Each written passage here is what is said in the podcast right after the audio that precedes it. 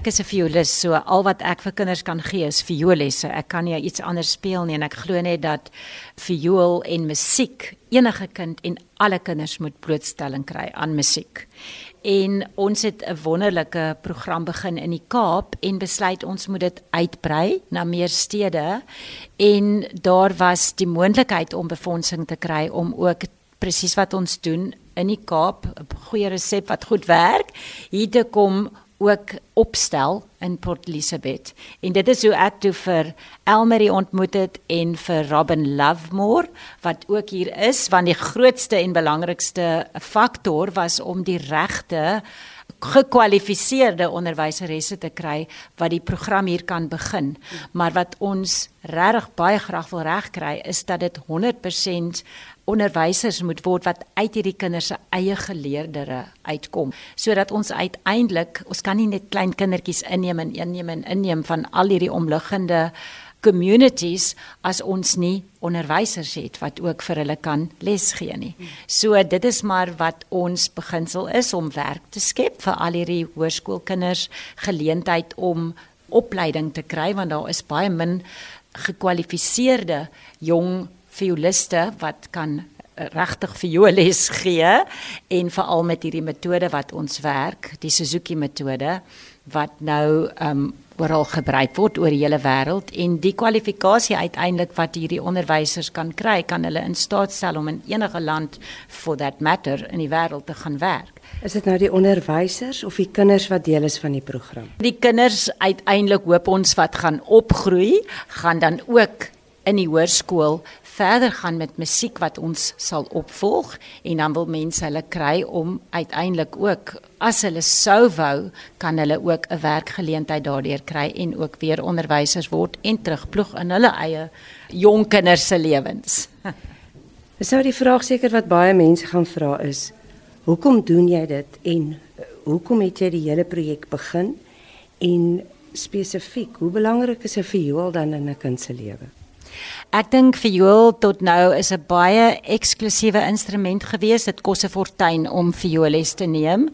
En ek dink oor die algemeen, ehm um, voel ek daar moet verskriklik baie gedoen word in um in wat is education? In opvoeding en sk en skolariteit en en geleenthede wat gebied moet word ook vir kinders wat uit onbevoegde en minder bevoorregte um agtergronde kom. En ek voel dit is totaal onregverdig dat hulle nie ook blootstelling kry aan musiek aan hierdie wonderlike instrument en die ongelooflike kapasiteite en vermoëns wat dit bring nie. Want dit is nie net om 'n violis te word nie maar vandag een wat jy met 'n viool in kontak is gee dit soveel emosionele well-being. Dit gee konsentrasie, dit gee fokus, dit maak jou baie beter en uh gekonsentreerde student in jou skoolklasse. En dis is hoekom as mens so klein begin met hierdie kinders, dis soos 'n hele ontwaking wat hulle ervaar en wat hulle gaan bybly vir die res van hulle lewe en wat hulle 'n droom gaan gee uiteindelik. Want musiek laat jou droom en musiek maak jou 'n positiewe mens. En ek dink dit is wat ons nodig het in Suid-Afrika om generasies van positiewe kinders te laat opgroei sodat ons positiewe uh, parlemente kan hê en presidente. So dis dis nogal mooi. Jy praat van die ontwaking van die viool. Ja, ek glo wel 'n viool is ongelukkig die moeilikste instrument seker wat mens kan speel, maar dit maak direk aanspraak op jou brein en hulle sê dit is soos 'n dis soos 'n vuurwerk vertoning. Dis al die liggies wat in jou brein aangaan as jy met 'n viool begin speel omdat dit soveel vra van jou linker en regter brein en dis 'n ontwaking. Dit maak kinders, ek sê dit maak hulle onmiddellik wakker want daai brein vonkel al die liggies uit en maak 'n groot vuurwerk vertoning wat vir hulle hele liggaam en gestel 'n baie goeie ontploffing is. Da, wil ek net weet hoeveel jaar bied julle al die programme in Kaapstad aan?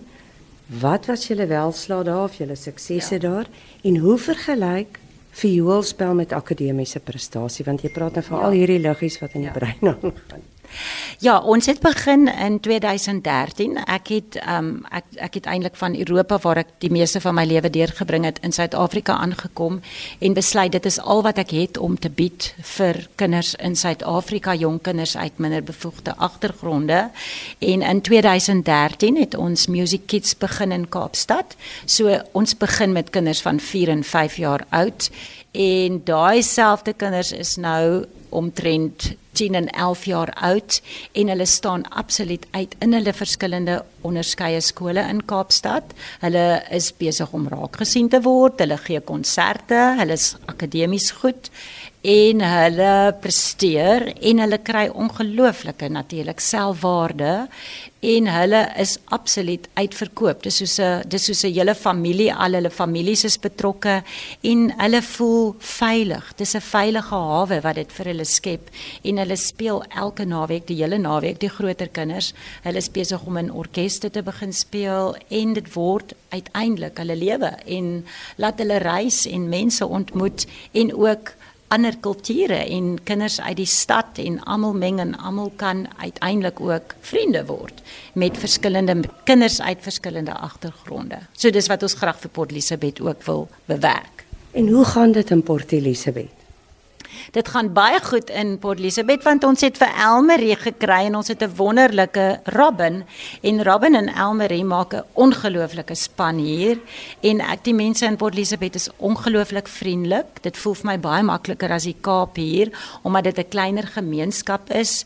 En ons kry baie positiewe terugvoer um van Elmarie se skool, Alexander Hoërskool, selfs by die universiteit is daar mense wat belangstel. Dit lyk asof almal hier lus het om saam te werk en dit is dis wonderlik motiverend vir my om verder befondsing te gaan soek om regtig iets hier wonderlik te kan opwerk.